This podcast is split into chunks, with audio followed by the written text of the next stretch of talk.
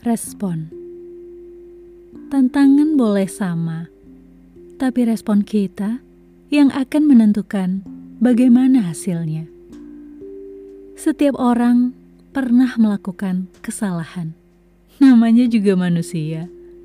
Namun, bagaimana kita merespon terhadap hal yang keliru itu, entah sadar sendiri atau disadarkan oleh orang lain, berupa teguran menentukan apa yang akan kita dapatkan berikutnya.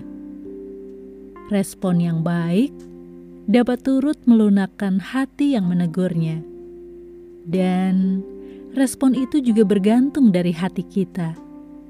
Semakin tinggi hati kita, akan semakin sulit untuk menemukan jalan damai dan solusi. Jadi, di manakah kita menaruh hati kita?